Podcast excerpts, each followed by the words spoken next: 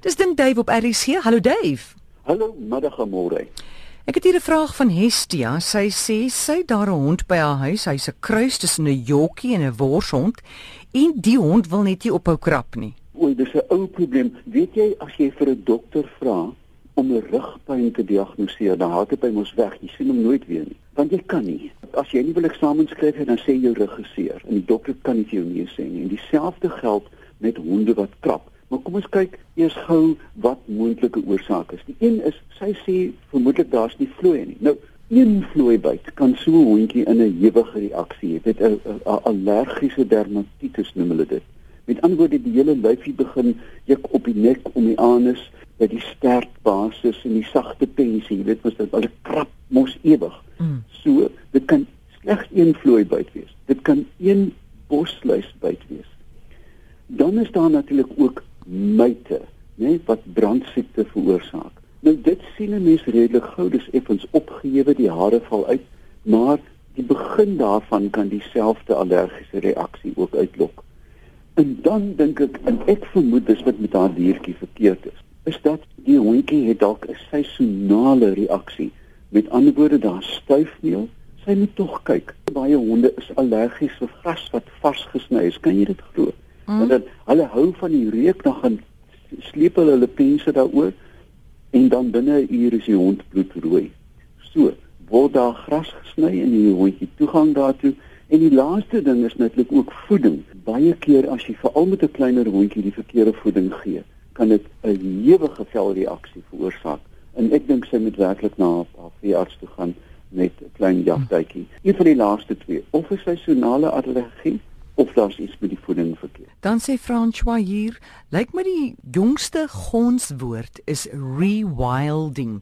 Wat op die aarde beteken dit? Weet jy môre, ek is so moeg vir rewilding, ek wil die woord nooit weer hoor nie. Maar ek hoor dit nou vir die eerste keer. Daar is 'n reusagtige golf van rewilding. 'n Vrye vertaling sou wees die herskepping van wildernis. Nou, kom ek gee vir jou net voorbeelde van wat dit kan beteken. Die hysteriese rewilders het nou die Europese los. Het jy geweet LOS is die woord vir die Europese rooi kat. Jy kan maar gaan opkyk. Hy hy's 'n bietjie groter as ons rooi kat. Het hulle nou in Northumbria teruggebring in in Engeland. Die spul eet nou Engelse skapies. Hulle eet paaie deur die skape en die boere is nou boos daaroor. In Spanje is die bruin beer in die Pyreneeë teruggebring. Verlede week storm die bruin beer op die skape af En jy weet hoe hysteriese hmm. skaap kan raak. 200 hart hardop oor 'n afgrond. Die beer het net boe gesê en daar lê 200 pakkies mins onder die berg. Ehm um, dit is verskriklik. Jy weet jy hulle hulle hulle dis amper wie kan mens dit sê? Wat? Dis moers geskrik. Die probleem met rewilding is dat die goed is nie gewoonlik deurdag nie. Kyk, Amore, as jy die braak op Stellenbos of die Kompanje tuin vir 200 jaar los, dan is dit so wild soos die berge. Jy weet dit sal gebeur. Maar 'n mens moet ook dink daar woon mense hier. Jy weet jy kan nie sommer net 'n rooi katte en leeu's in Stellenbosch loslaat. So, rewilding dink ek is is 'n bietjie van 'n gonswoord soos jy sê.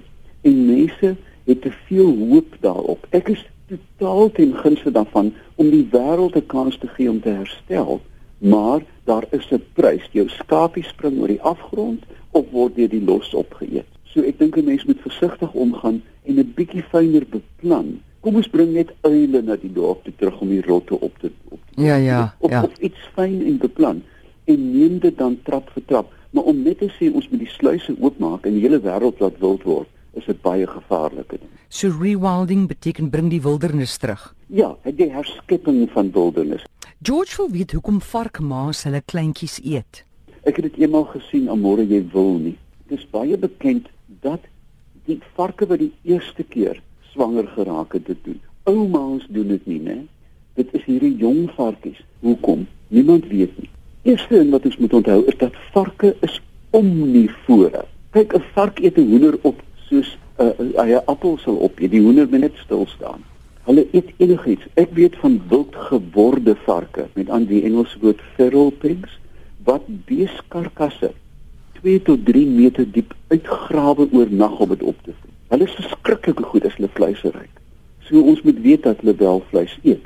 daar is 'n direkte verband met hierdie kleintjie vretery en die vark se sielesgeluk. Nou ons weet dat varke is eintlik baie skoon diere. As jy 'n vark 'n uh, vrye teels gee, dan het hy 'n misplekkie, 'n urineplekkie en 'n kurkdroë bed. Hoe tog hulle maak vir hulle koeie.